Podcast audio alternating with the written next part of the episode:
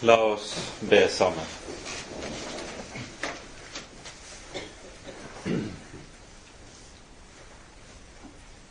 Kjære gode Herre, Hellige Far. Så takker og lover vi deg for all din nåde mot oss. Takk, Hellige Gud, at du har bøyet deg til oss og gitt oss din egen sønn til vår forløsning. Takk, Herre Jesus, at du har betalt alle omkostninger ved vår frelse, og at vi skal få være Guds barn for din skyld. Nå ber vi, Herre, lær oss å forstå hva det er du har gitt oss, hva det innebærer, det du har ofret. Send oss din Hellige Ånd, og skriv det inn i hjertene våre, det du har gjort, at vi også kan lære å stole på deg, stole på deg i alle ting og til enhver tid. Det ber vi, Herre, i ditt eget navn og takker og lover deg fordi du er god, og din miskunnhet varer til evig tid. Amen.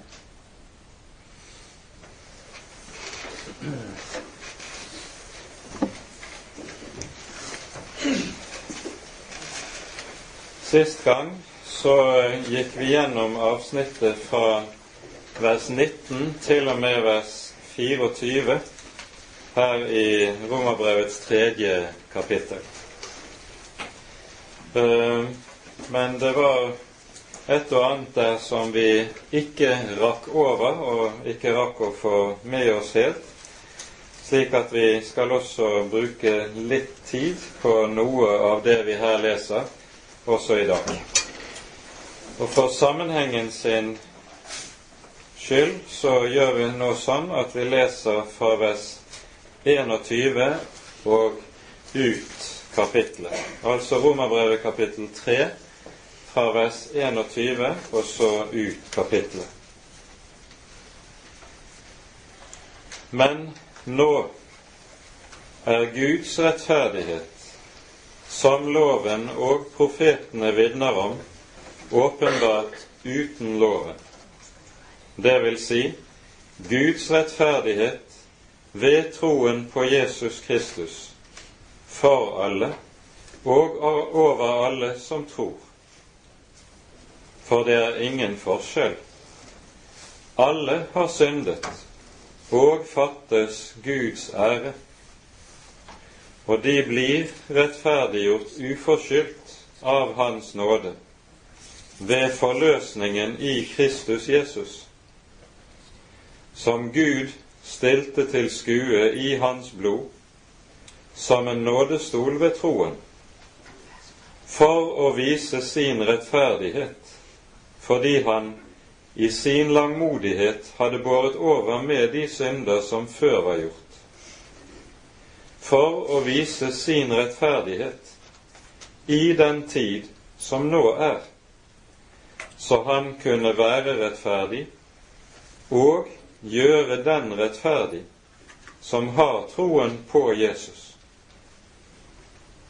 Hvor er så vår ros? Den er utelukket.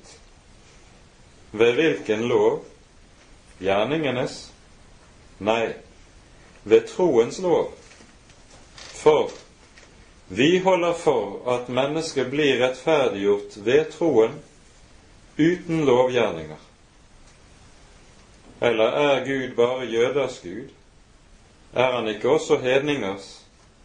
Jo, han er også hedningers Gud. Så sant Gud er én, og han rettferdiggjør de omskårne av troen og de uomskårne ved troen. Opphever vi da loven ved troen? Langt derifra. Vi stadfester loven. Amen. Her er det altså sånn at dette avsnittet begynner i vers 21 med ordene 'men nå. Og disse to ordene 'men nå', de setter opp altså en skarp motsetning i forhold til det som vi har lest i de foregående vers og i det foregående avsnitt, der det taler om loven og lovens dom over mennesket, og om hvorledes loven har lagt alt inn under synd. Det er jo det det forrige hovedavsnittet i Romerbrevet dreier seg om. Og så kommer det altså et 'men nå'. Og vi understreker at dette 'men nå' først, ikke først og fremst er en betegnelse som dreier seg om tid, slik at det likesom skulle dreie seg om forskjellen mellom den nye pakts tid og den gamle pakts tid. Men her er det tale om en saklig forskjell, nemlig den forskjell som det er mellom lov og evangelium. Noe som vi brukte en del tid på sist gang. Det vi her skal bemerke og føye til når det gjelder denne saklige forskjell, det er noe som er en misforståelse som mange eh, lider under, og det er at en har lett for å tenke som så at i den gamle pakts tid da ble de rettferdiggjort ved loven, mens, eller ved gjerninger, mens i den nye pakt, der er det ved troen. Og så forstår en dette uttrykket 'men nå' i tråd med det. Men her er det slik at også den gamle pakts hellige, de ble frelst ved tro og ikke ved gjerninger. Det er noe vi ikke minst hører i Hebreabrevets ellevte kapittel, som er det store troskapitlet i Det nye testamentet, og som nettopp handler om dette hvordan alle den gamle pakts fremste hellige, de ble frelst ved tro. Det gjelder både Noah og Abraham, Isak og Jakob, det gjelder Moses, det gjelder profetene. Alle sammen, de ble frelst ved tro. Denne saken den begrunner Paulus og kommer han nærmere inn på i Galaterbrevets tredje kapittel, der han taler om hvorledes lovens periode for Guds folk det er bare en bestemt mellomperiode. Gud inngår nemlig pakt med Abraham 430 år før pakten ved Sinai blir inngått. Og pakten med Abraham, den er nettopp en nådepakt, som er et forbilde på den pakt som vi finner i Det nye testamentet, den nye pakt.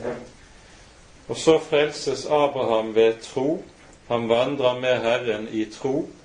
Og så blir Abraham, slik vi hører det i det neste kapittelet i Romerbrevet, også det store forbildet på hva det vil si å være frelst av tro. Loven blir lagt til, skriver Paulus i Galaterbrevets tredje kapittel, for syndens skyld. Den er en pedagog, den er en tuktemester til Kristus. Det er, loven er et erkjennelsesmiddel som Gud legger til for å vise og hjelpe sitt folk til å forstå at skal de bli frelst, så må det skje av nåde, ikke av gjerninger. Og så er derfor lovens periode en begrenset tidsperiode som så å si tjener Guds eh, formål rent pedagogisk i frelseshistorien. Og så kommer altså Pauli ord, dette 'men nå', som et ord som setter opp for oss den saklige forskjell mellom loven og evangeliet, mellom tro og gjerninger. Og han understreker jo nettopp i dette vers 21 at den rettferdighet ved tro og uten gjerninger, det er en rettferdighet som også Det gamle testamentet vitner klart og tydelig om. Vi skal etter hvert komme inn på et par av disse eh, sentrale ordene i Det gamle testamentet senere i bibeltimen. Så når vi så kommer til vers 23, så hører vi ordene om at alle har syndet og fattes, dvs. Si står uten ære for Gud. Dette er jo det som Paulus har eh, belagt og vist i det forrige hovedavsnittet i Romerbrevet. Og tankegangen er da den at menneskets synd er menneskets skam. Og så er det da slik at loven gjør meg til skamme. Det som vi skal merke oss i dette når det tales på denne måten alle har syndet og fattes Guds ære, så er det en beskrivelse av menneskets vesen, dets natur, under fallets vilkår som ligger i dette. Gud smigrer ikke det falne mennesket med å si at det er da noe godt hos deg. Gud smigrer ikke det falne mennesket med å si du kan i hvert fall gjøre litt selv. Med det vi her hører, så utelukkes alt mennesket kan ha å fare med ut fra egne forutsetninger. Det er en som har sagt dette på denne måten. Avgudene sier 'du er ikke god nok'. Bibelens Gud sier 'du er ond'. Disse to satsene de viser den himmelvide forskjell på det som er bibelsk tro og kristendom, og det som er all annen men menneskelig religiøsitet. Når avgudene nemlig kommer med sitt 'du er ikke god nok', så lesses det byrder på mennesket som handler om du må forandre deg, du må forbedre deg, du må bli annerledes, du må ta opp utfordringen, og så blir livet et strev med lovgjerninger. Og det, Nettopp dette er det som kjennetegner avgudene. Vi har et veldig godt forbilde på dette i, hos profeten Jesaja i det 46. kapittel, der profeten ironiserer over avgudene og avgudsdyrkelsen. Og så hører vi eh, i de to første versene slik det taler om to bestemte avguder i Babel. Bel segner, Nebo faller om. Deres bilder overgis til dyr og fe. De som dere bar, legges som en byrde på de trette dyr. De faller og segner om, alle sammen. De kan ikke redde byrden, og selv går de bort i fangenskap.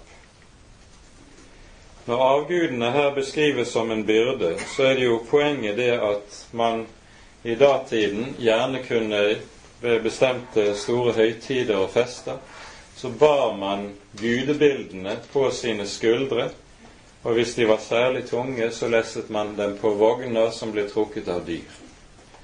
Er, slik er avgudene en bør som må bæres, og som til slutt blir mennesket for tungt. Og slik er også den menneskelige eller avguderiske religiøsiteten. Den er slik.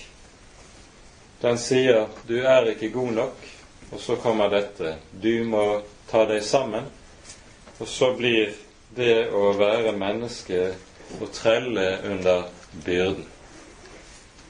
Men dersom mennesket tar denne Guds lovs krav på alvor, så blir denne børen for tung. Så blir den, dette en bør som mennesket må segne under fordi det ikke makter å bære den. Gud sier i stedet 'du er ond'. Det innebærer at han sier lite smigrende som det er for vår natur, så sier han du kan bare gi opp alle forsøk på å prøve å forbedre deg. Du blir så allikevel ikke annerledes. Denne erkjennelsen sitter uhyre langt inne hos det falne mennesket. For noe av det som jo er det fremste kjennetegn på det falne mennesket, er dets tro på seg selv. Vi tror på oss selv. Vi har en usvikelig tro på oss selv, på våre egne muligheter, på det gode i bunnen av vår natur og av vår vesen. Og for at denne troen på oss selv skal bli brutt, er det loven er gitt. Og Gud slipper egentlig aldri riktig til i et menneskes liv før han får knekket denne vår tro på det gode i oss selv, og at vi kan noe godt i oss selv og ut fra våre egne forutsetninger. Det er altså dette Paulus har talt om tidligere i Romerbrevet. Og det er dette som det ligger, ligger i det vi leser i vers 23. Alle har syndet og står uten ære for Gud. Dette innebærer også at alt menneskelig strev i denne gaten, det er forgjeves. Vi hører jo i, i eh, Forkynnerens bok i kapittel 1 om hvordan det der er tale om all menneskelig gjerning under solen, hvordan den er forgjeves. Nå er dette først og fremst en beskrivelse av det vanlige menneskelige liv, der mennesket lever uten Gud. Da blir livet dypest sett innholdsløst og meningsløst. Det blir tomt. Men når forkynneren skriver i det 14. verset i det første kapittelet at han så på all den møye som menneskene gjør seg møye med under solen, og han så at det var tomhet og jag etter vind, så kan det også si med full dekning om menneskets strev under loven. Det er tomhet og jag etter vind. En vil aldri kunne nå det. Like lite som en vil kunne fange vinden i et garn, om en måtte prøve på det. Det er et prosjekt som er umulig. Luther skriver i en bemerkning om dette slik Det er et litt lengre sitat, men jeg leser. Hvis noen var godt skolert i denne kunst, jeg mener den som på rette vis kunne skjelne her mellom lov og evangelium, han fortjente å bli kalt en doktor i teologien. For loven og evangeliet må holdes ut fra hverandre. Lovens gjerning er å forskrekke menneskene, gjøre dem redde og fortvilet, spesielt de rå og brutale, inntil de lærer at de ikke kan gjøre hva loven krever eller oppnå Guds, Guds gunst. Det vil få dem til å fortvile på seg selv, fordi de aldri når dette mål, å oppnå Guds gunst ved sine forsøk på å holde loven. Doktor Staupitz, kan jeg huske, sa til meg ved en anledning Mer enn tusen ganger har jeg løyet for Gud og sagt at jeg ville bli from. men jeg gjorde aldri det jeg lovet. Nå skal jeg aldri mer bestemme meg for å bli from, for jeg ser at jeg ikke kan virkeliggjøre mitt forsett. Jeg skal ikke lyve mer for Gud. Dette var også min erfaring under pavedømmet. Jeg var opptatt med å bli from, men hvor lenge varte det? Inntil jeg hadde lest ferdig messen. En time senere var jeg enda mer ond enn før. Dette pågår inntil en person blir ganske fortvilet og nødt til å si jeg må bare legge til side tanken på å bli from etter Moses og loven. Jeg vil følge en annen predikant, en som sier til meg, Kom til meg om du er trett, jeg vil gi deg hvile. La disse ordene, Kom til meg, få lyde livlig for deg. For denne predikant lærer deg ikke at du kan elske Gud, eller hvordan du skal gjøre eller leve. Han sier bare hvordan du kan bli from og frelst på tross av det faktum at du ikke kan gjøre det du burde. Denne forkynnelsen er fullstendig forskjellig fra Moselovens lære, som bare er opptatt med gjerningene. Kom til meg, alle dere som strever og har tungt å bære. For loven gir et menneske tungt å bære. Det er dette Luther gikk fallitt på, og det er dette loven har til hensikt å føre oss til at vi går fallitt på alle våre egne forsøk, slik at vi ikke har og ikke ser noen utvei. Og den som da sitter fast slik, uten utvei, han skal få høre evangeliet om han som frelser den ugudelige, ikke den fromme. Det er det underlige med evangeliet. Så står det altså alle har syndet og fattes Guds ære, og de blir rettferdiggjort uforskyldt av Hans nåde ved forløsningen i Kristus Jesus. Her skal vi merke oss et par viktige ting i tillegg til det som vi var inne på sist gang når det gjelder ordet rettferdiggjørelse. For det første dette at det er helt avgjørende her å være oppmerksom på grammatikken. Bibelen taler her i passiv. Det er ikke slik at du rettferdiggjør deg selv, men du blir rettferdiggjort. Den som nemlig handler, det er ikke du, men det er Gud. Det er tale om hva som er en Guds gjerning når du blir rettferdiggjort, ikke hva du kan gjøre, for du er jo nettopp stilt til veggs. For det andre så understreket vi sist gang at dette uttrykket 'å rettferdiggjøre' det er et ord som i samtidens språkbruk er hentet fra rettssalen. Det er juridisk språk, og det betyr å bli frikjent for domstolen. Du blir frikjent for det du er anklaget for. I denne sammenheng må vi peke på at når Luther sto oppe i kampen i forhold til den katolske kirkes frelseslære, så forsto den katolske kirke dette ordet å bli rettferdiggjort fullstendig annerledes. De lærte at, og lærer for så vidt fortsatt, at det å bli rettferdiggjort det er en prosess som foregår inni menneskets eget hjerte. Det er en helbredelsesprosess. I det en ser det slik at det syndefallet gjør med menneskenaturen, det er at menneskenaturen blir syk. Den kommer til å lide en mangel.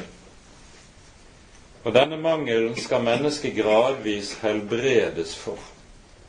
Og Denne helbredelsesprosessen den er altså noe som begynner når den kommer til troen, og så foregår den gradvis hele livet igjennom. Det innebærer at i katolsk tenkning så er rettferdiggjørelsen ensbetydende med helliggjørelsen. Et menneske er rettferdiggjort utelukkende i samme grad som det er helliggjort. Det innebærer da også at rettferdig, rettferdiggjørelsen det er noe som foregår i mitt eget hjerte. Det er en forvandlingsprosess der jeg blir annerledes under det at Gud lar sine nådekrefter virke og forvandle meg til det bedre.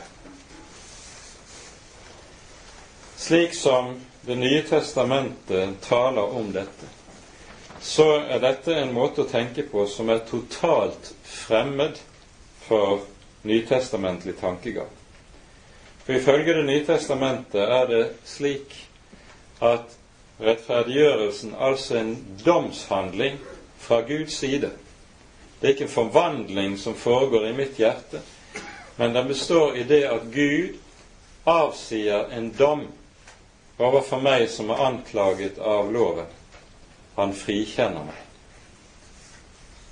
Han frikjenner meg, og det å bli frikjent, det betyr jo at du regnes som uskyldig i det du er anklaget for. Og slik står du der altså rettferdig innenfor dommeren, innenfor domstolen. Min Derfor er det å bli rettferdig for Gud, det består ikke i å bli annerledes, men det består i det som Paulus nå taler om. Det skjer ved forløsningen i Kristus Jesus. Det er i kraft av det en annen person er, at jeg er rettferdig. Det er Jesus som er min rettferdighet. Og Nettopp dette hører med til noe av det som Det gamle testamentet også vitner tydelig om. Vi skal her bare peke på to sentrale ord hos profeten Jesaja. Først Jesaja kapittel 53. Dette hovedkapitlet i Messias-profetien som tegner Kristi stedfortredende lidelse for våre øyne. I det ellevte verset i Jesajas kapittel 53 står det slik Fordi hans sjel har vært møye, skal han se det og mettes. Derved at de kjenner ham, skal den rettferdige, min tjener, rettferdiggjøre de mange. Altså, hvordan blir et menneske rettferdiggjort? Det blir rettferdig gjennom å kjenne ham, han som ble såret for våre overtredelser, knust for våre misgjerninger. Slik blir et menneske rettferdiggjort. Vi kan også peke på ordene i Jesaja-boken kapittel 45, i avsluttende vers, hvor det også er tale om Messias og hans gjerning og hvordan alle folkeslag til slutt skal bøye kne for ham. Det hører vi i vers 23. Og så sies det så i vers 24 og 25. Bare i Herren skal de si om meg, er rettferdighet og styrke. Altså ikke i mennesket. Ikke i mennesket. Bare i Herren, sies det. Og til ham skal de komme, og til skamme skal de bli alle de som brenner og harme mot ham. Ved Herren skal de få sin rett. Og her er det unøyaktig oversatt i våre oversettelser. Det skulle vel kunne bedre vært oversatt slik. Ved Herren blir de rettferdiggjort. De blir altså ikke rettferdiggjort ved seg selv og ved noe de selv kan gjøre, men ved ham. Og så kommer fortsettelsen av ham skal de rose seg, hele Israels folk. Et uttrykk som også dukker opp litt senere her i det tredje kapittelet i Romerbrevet. Der det taler om hva som er et menneskes ros og dets ære. Det er Kristus som er vår ros. Det er Han som er vår rettferdighet. De blir altså rettferdiggjort uforskyldt, står det, av Hans nåde ved forløsningen i Kristus Jesus. Ordet uforskyldt det er et ord som utelukker alt som heter fortjeneste.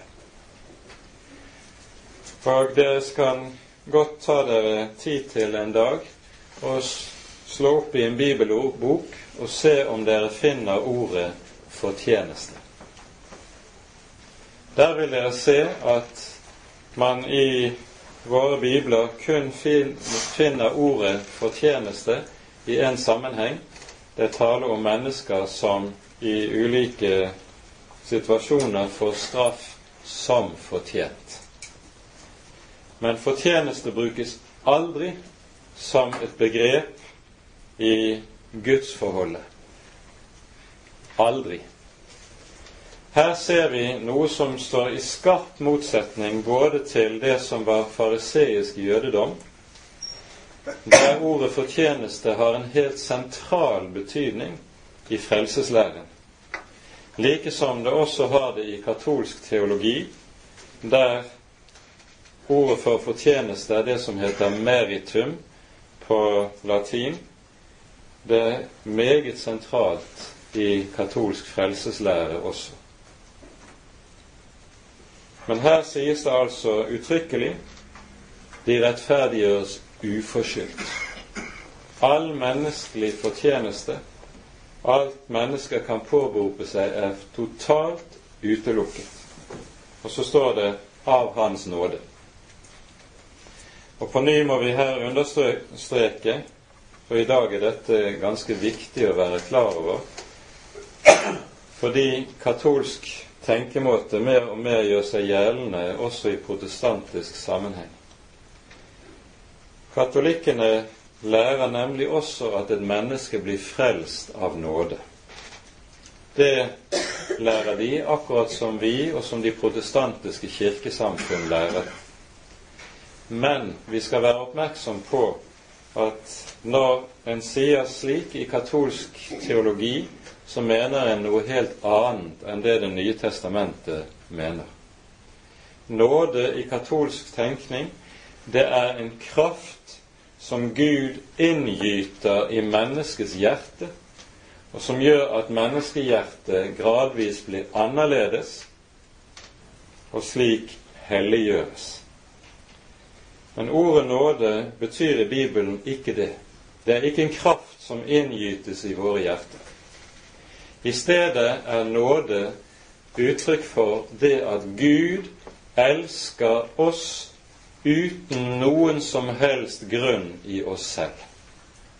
Det er ikke fordi han finner noe som er elskverdig i våre liv, og som han derfor kan gi som begrunnelse for at ja, han er jo i grunnen ikke så aller verst derfor.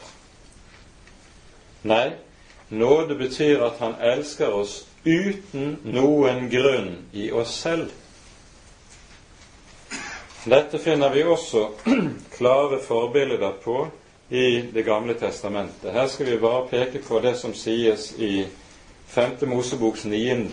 kapittel, der Gud taler om årsaken til at han forløser sitt folk Israel, og gir dem alt godt, velsigner dem sånn som vi hører om det i denne delen av Bibelen. Vi leser i 5. Mosebok kapittel 9 fra vers 4 av. Når nå Herren din Gud driver dem ut for deg, må du ikke tenke som så. Det er for min rettferdighets skyld Herren fører meg inn i dette land, og lar meg få det til eiendom. Nei, det er for disse hedningers ugudelighets skyld Herren driver dem ut for deg. Ikke for din rettferdighets skyld, eller for ditt oppriktige hjertes skyld, kommer du inn i deres land og tar de eie. Men det er for deres ugudelighets skyld Herren din Gud driver disse hedninger ut for deg, og for å holde det ord han har svoret dine fedre, Abraham, Isak og Jakob. Så skal du da vite at det ikke er for din rettferdighets skyld Herren din Gud gir deg dette gode land til eie, for du er et hårnakket folk. Altså, Israel får sitt pass påskrevet. Du er et hårnakket folk. Og Det som gjaldt Israels folk den gang, det gjelder visst oss også i, i dag. Vi er også slike hårnakkede, som Herren elsker uten grunn i oss selv, som Han altså velsigner ene og alene fordi Han har gitt et løfte. Han holder hva Han har lovet. Det vi her er inne på, det kommer i Det gamle testamentet også til uttrykk på en annen måte, som det er en språkbruk som er vel verd å merke seg. Gud sier i en rekke sammenhenger når han tar seg av folket, så sier han 'For min skyld frir jeg deg ut', ikke for din skyld. For mitt navns skyld gjør jeg dette der hele poenget nettopp er dette at Gud gjør dette ikke på grunn av noe i oss, men ene og alene for sin kjærlighets skyld. Nåde betyr altså at Gud elsker oss for intet, uten noen grunn i oss selv. Her kan vi også gjøre oppmerksom på den parallellen det er mellom skapelsen og frelsen. For på samme måte som Gud i skapelsen gjør alle ting av intet, på samme måte gjør han det også i frelsen. Han gjør og virker alt av intet og for intet. Det vil si av nåde. Dette er Guds hjertelag Nåden, det er Guds hjertelag imot oss. Og det er altså ikke tale om her om en type krefter som inngytes i oss, i våre hjerter. Denne tankegangen som vi møter i katolsk teologi, det møter vi i dag innenfor protestantiske retninger ganske hyppig, nemlig innenfor karismatikken der en tenker på samme måte om Den hellige ånd og Åndens nåde som en slik kraftvirkning som øses inn i menneskenes hjerter og får det til å bli annerledes. Derfor er det et meget nært slektskap mellom katolsk teologi og karismatisk forkynnelse, slik som en vanligvis møter dette i våre dager. Dette er en språkbruk som altså tilslører og utydeliggjør det som er Det nye testamentets budskap om disse ting. Og det er helt avgjørende, hvis vi skal forstå Bibelens budskap rett, at vi også forstår de ulike ord og begreper i Bibelen rett.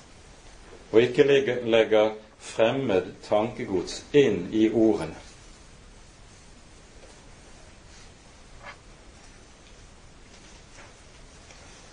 Her hører vi også, som vi har vært inne på det, vi blir rettferdiggjort uforskyldt av Hans nåde ved forløsningen i Kristus Jesus. Og Her hører vi hva som er grunnlaget for rettferdiggjørelsen. Det er ved, ved forløsningen. Når Gud rettferdiggjør, så gjør han det på grunnlag av en handling som er skjedd i historien, nemlig at hans egen sønn har trådt inn i verden og fullbyrdet frelsesverket. Et frelsesverk som her etter sitt vesen kalles for forløsninger. Ordet forløsning det sikter til at der betales en løsepenge. Menneskesønnen er ikke kommet for å la seg tjene, men for selv å tjene og gi sitt liv til en løsepenge for mange. Denne løsepengen, det er Kristi, Guds sønns eget blod på korset. Og dette er ingen liten løsepenge. Det er en forløsning som er vunnet uhyre dyrt. Så dyrt som vi ikke kan ane og ikke kan forstå. Her skal vi bare gjøre oppmerksom på noen ord som vi leser i Salmenes bok, Salme 49.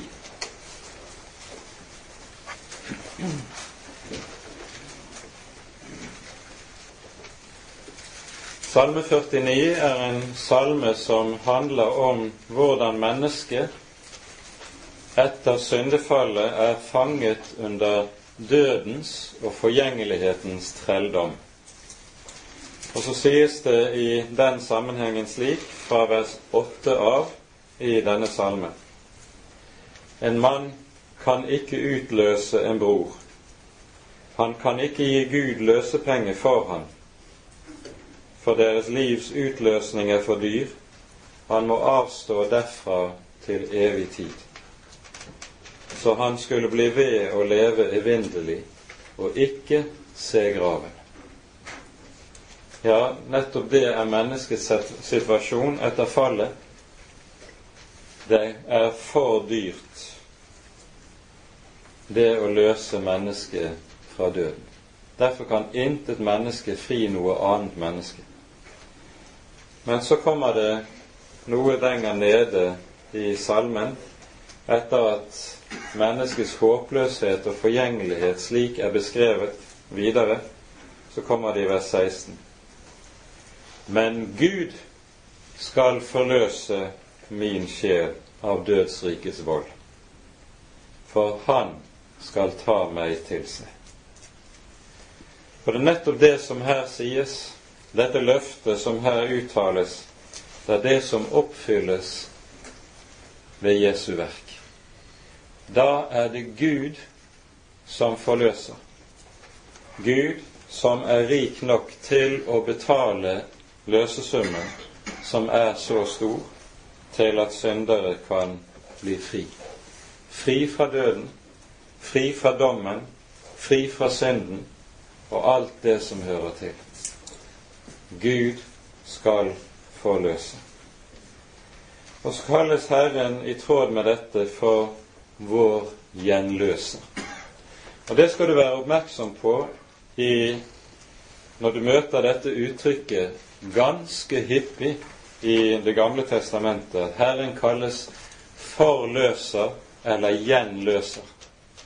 Så er det slik at det ord som ligger bak i grunnteksten, det er et ord som alltid taler om at den som er gjenløser, det er den som betaler løsepenge. Det er altså den som betaler hele prisen for at en annen skal bli fri.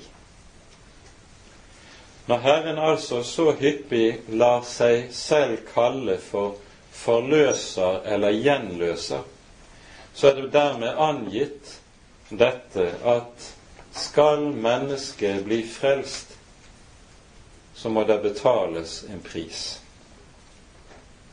Og Gud har påtatt seg å betale denne prisen. Det er det som er saken med dette uttrykket, å være oppmerksom på dette når dere leser Bibelen og støter på dette navnet på Herren. Han er vår forløser. Han er vår gjenløser. Han har betalt. Så sies det i vers 25 som Gud stilte til skue i hans blod, som en nådestol ved troen. Og dermed er vi inne da ved kjernen i Jesu verk. Her pekes det nemlig på forsoningen.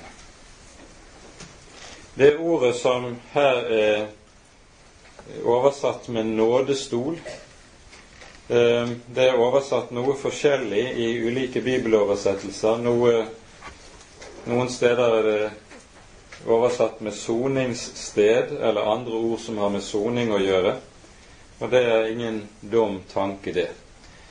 Ordet 'nådestol' det, er, det skriver seg fra Luther sin bibeloversettelse fra 1521. Og Luther satte dette navnet på lokket som var på paktens ark. Han kalte det for nådestol.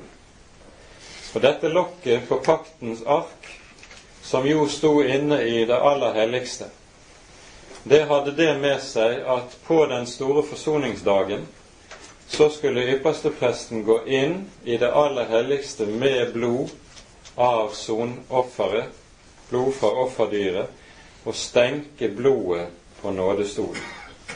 Og når blodet rørte ved nådestolen, da var synden sonet. Da var offeret virkekraftig. Og dermed kunne syndene tilgis. Derfor møter vi i Det gamle testamentet språkbruk om forsoningen følgende setning gjentatte ganger. Du ser det i offerlovgivningen i Tredje Mosebok. Således skal presten gjøre soning for dem, så de får forlatelse. Altså, når det er gjort soning, så er synsforlatelsen frukten av soningen. Gud tilregner da ikke lenger synd. Og Det er jo dette som da er poenget. Jesus er gjort til en slik nådestol som Gud har stilt til skue. Hva menes det med dette at Gud har stilt ham til skue? Hvem er det her som skal se? Vi må da peke på to ulike fortolkninger som begge hører med i denne sammenhengen. For det første har han stilt Jesus Kristus til syne som en soning for oss. Og Da menes det med det dette som vi leser i Johannesevangeliets tredje kapittel, der vi hører om at Jesus i samtalen med Nikodemus sier følgende like som Moses opphøyet slangen i ørkenen, således skal menneskesønnen opphøyes, for at hver den som tror på ham, skal ha evig liv. Det som jo var situasjonen for Israels folk i ørkenen Vi leser om dette i 4. Mosebok kapittel 21. Det at folket på ny har vært ulydige mot Herren, og så sender Herren sin dom og sin straff innover folket. Og denne gangen rammer dommen dem i form av slanger som biter folket. Og så kommer folket til Moses og sier, 'Vi har syndet. Be til Herren for oss, at Han vil ta fra oss slangene.' Og så er det da Moses får denne underlige befalingen fra Herren. Han skal lage en slange av kobber. Og den skal settes opp på en høy stake midt i leiren. Og så skal det skje, sier Herren, hver den som er bitt og ser på slangen, skal leve. Og nettopp dette er det antagelig Paulus har i minne når han sier at Gud stilte Kristus til skue. Og så hører samme løfte sammen med dette som gjaldt for Israel der i ørkenen. Å se på ham, det gir et menneske liv. Det er det som føder på ny til liv i Gud. For dette er jo det forunderlige med det vi leser i Johannesevangeliets tredje kapittel. Det er her Jesus taler til Nikodemus om nødvendigheten av å bli født på ny. ingen kan komme inn i Guds rike uten å bli født på ny av vann og ånd, sier han. Og i dyp forvirring så sier Nikodemus til Jesus hvordan kan det gå til? Og så er det at Jesus altså svarer hvordan det går til. Like som Moses opphøyet slangen i ørkenen, således skal menneskesønnen opphøyes, for at hver den som tror på ham, skal ha evig liv. Altså, Jesus sier ikke 'du blir født på ny ved å gjøre slik og slik'. Altså at han gir en oppskrift til Nikodemus gjennom at sånn og sånn skal du gjøre, og da blir du født på ny. Nei, han sier og peker på noe som Gud skal gjøre. Og det er det Gud gjør, som er kilden til et menneskes gjenfødelse. Du skal se, og så vil Gud gjøre. Han ble stilt til skue i hans blod. Samtidig så har dette antagelig også en annen betydning nemlig det som vi leser om i 2. Moseboks 12. kapittel, der vi hører om Israels utgang av Egypt og om påskelammet. Folket skal slakte påskelammet den 14. dagen i måneden Aviv. Og så skal de stryke blodet fra lammet på dørkarmene utenfor, på utsiden av husene der de sitter, skal de ete påskelam. Og så sier Gud, slik vi leser det i vers 13, på den, denne natt vil jeg gå gjennom landet. Og når jeg ser blodet på dørene der dere er inne, vil jeg gå dere forbi, og intet slag skal ramme dere. Altså folket fris fra dommen, fra dødsengelen, ved at Gud ser blodet. Og I dette ligger det en stor, stor hemmelighet gjemt. Fordi det jo er slik at du og jeg, vi kan bare glimtvis ane betydningen av, rekkevidden av, hemmeligheten i hva det er Jesus har gjort for vår skyld. Men nå lærer Skriften oss at Gud ser. Han vet. Han vet hva Jesu offer er verd. Han vet hva Jesu offer betyr, og hva det innebærer. Han vet hva rekkevidden er av Kristi gjerning for vår skyld, hva dette blod betyr. Og så er det Han som ser og vet som på grunnlag av dette rettferdiggjør og frelser fortapte syndere. Han ble stilt til skue i sitt blod som en nådestol ved troen, for at Gud slik kunne vise sin rettferdighet, fordi han i langmodighet hadde båret over med de synder som før var gjort, for å vise sin rettferdighet i den tid som nå er så han kunne være rettferdig og gjøre den rettferdig som har troen på Jesus. Og Så møter vi igjen ordet tro. Og her, i denne delen av Paulus sitt forfatterskap, så er det jo slik at ordet tro står som motsetning til ordet gjerning. Tro og gjerning står som motsetninger.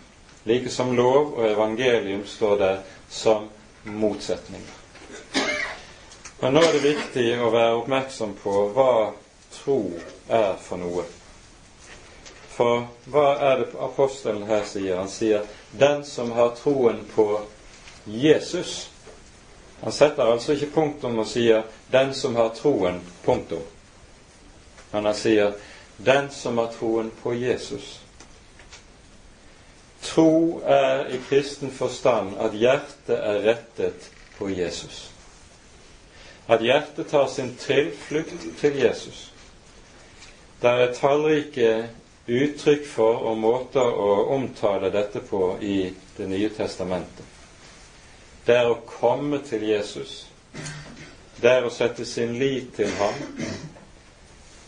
og lignende uttrykk. Alt sammen handler dypest sett om én og samme sak.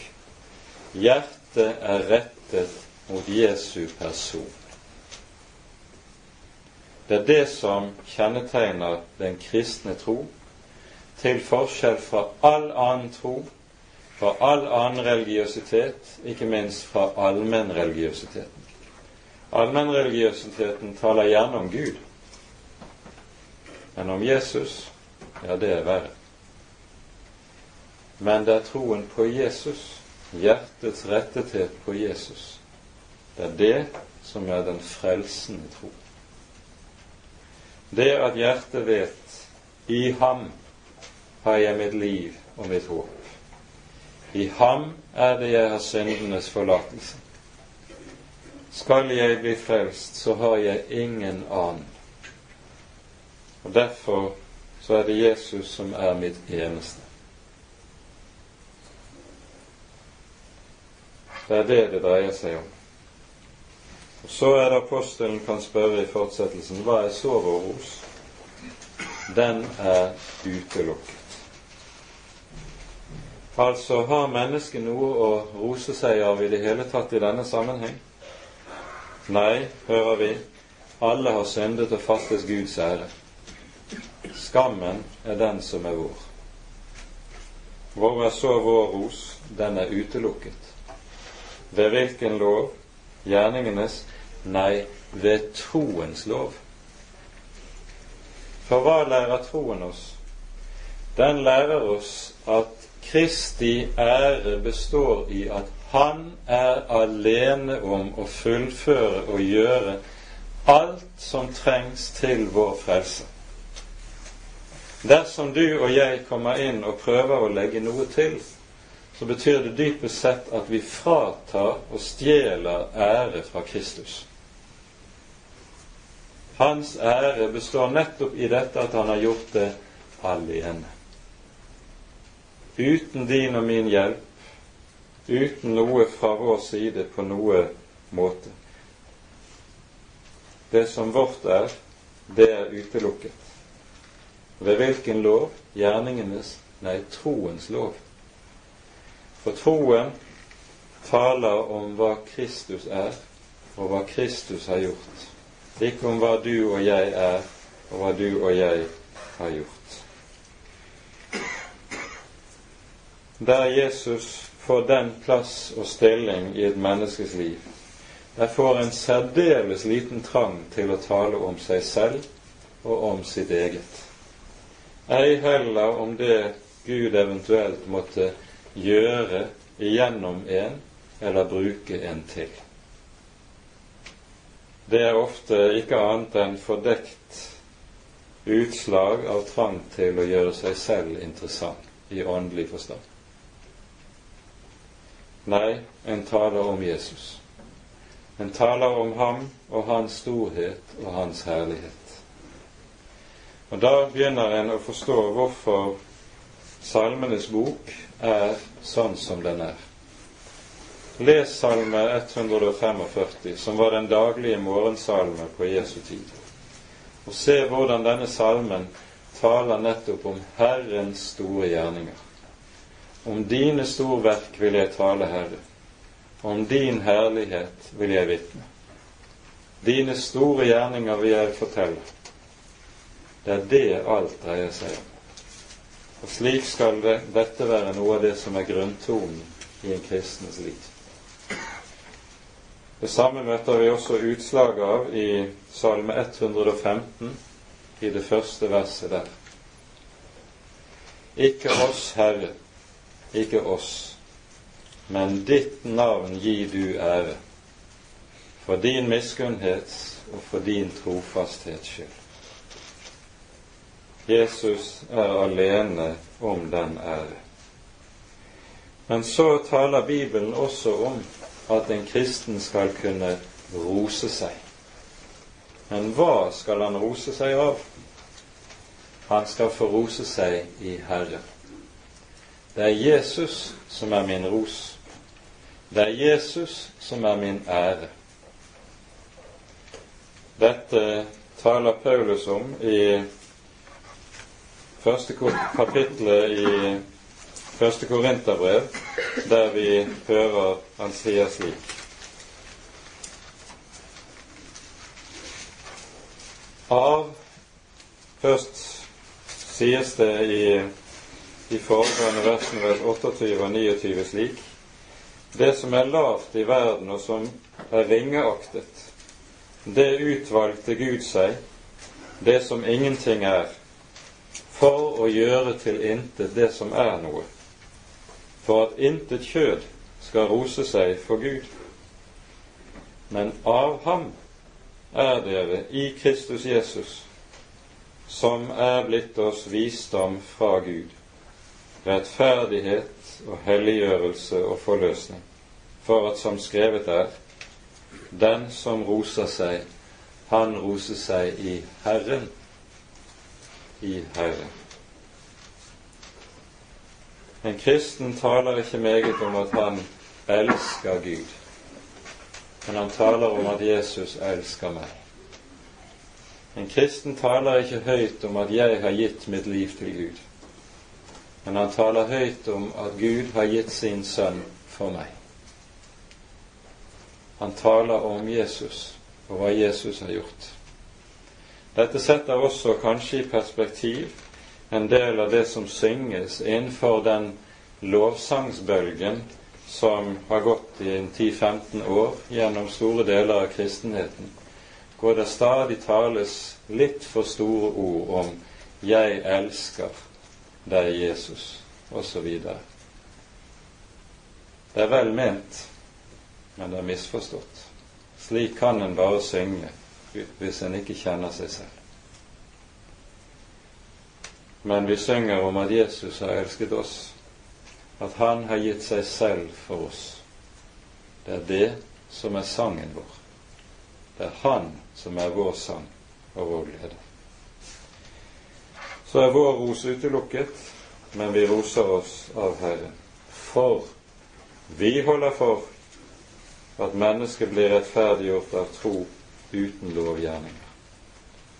Og så drar apostelen slik slutningen av det han har pekt på her. Og så kommer han med et underlig innskudd i vers 29 og 30.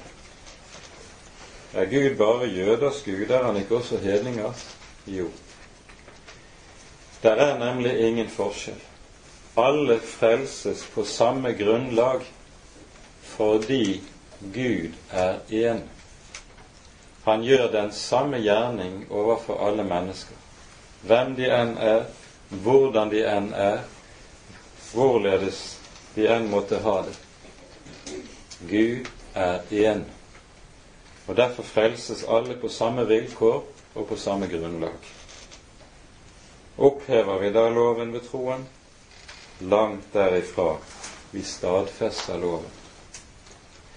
For ved troen på evangeliet, budskap om at vi frelses av nåde for Kristi skyld uten gjerninger, det er nettopp den sterkeste og klareste stadfestelse av loven her nemlig vitner et menneske om at for det første loven er sann, den er rett. Nemlig når den kommer med sin dom over meg og alt mitt. Derfor trenger jeg Kristus. For det andre stadfestes loven gjennom det at Troen er en tro på at Kristus har oppfylt loven i vårt sted.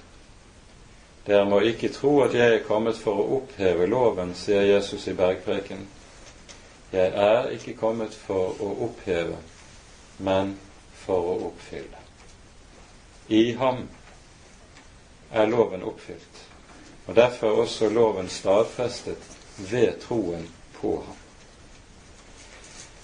Dette blir rent kortfattet, dette siste, og vi kommer kanskje nærmere tilbake til det neste gang. For nå renner tiden ut. Ære være Faderen og Sønnen og Den hellige ånd, som var og er og være skal en sann Gud, høylovet i evighet. Amen.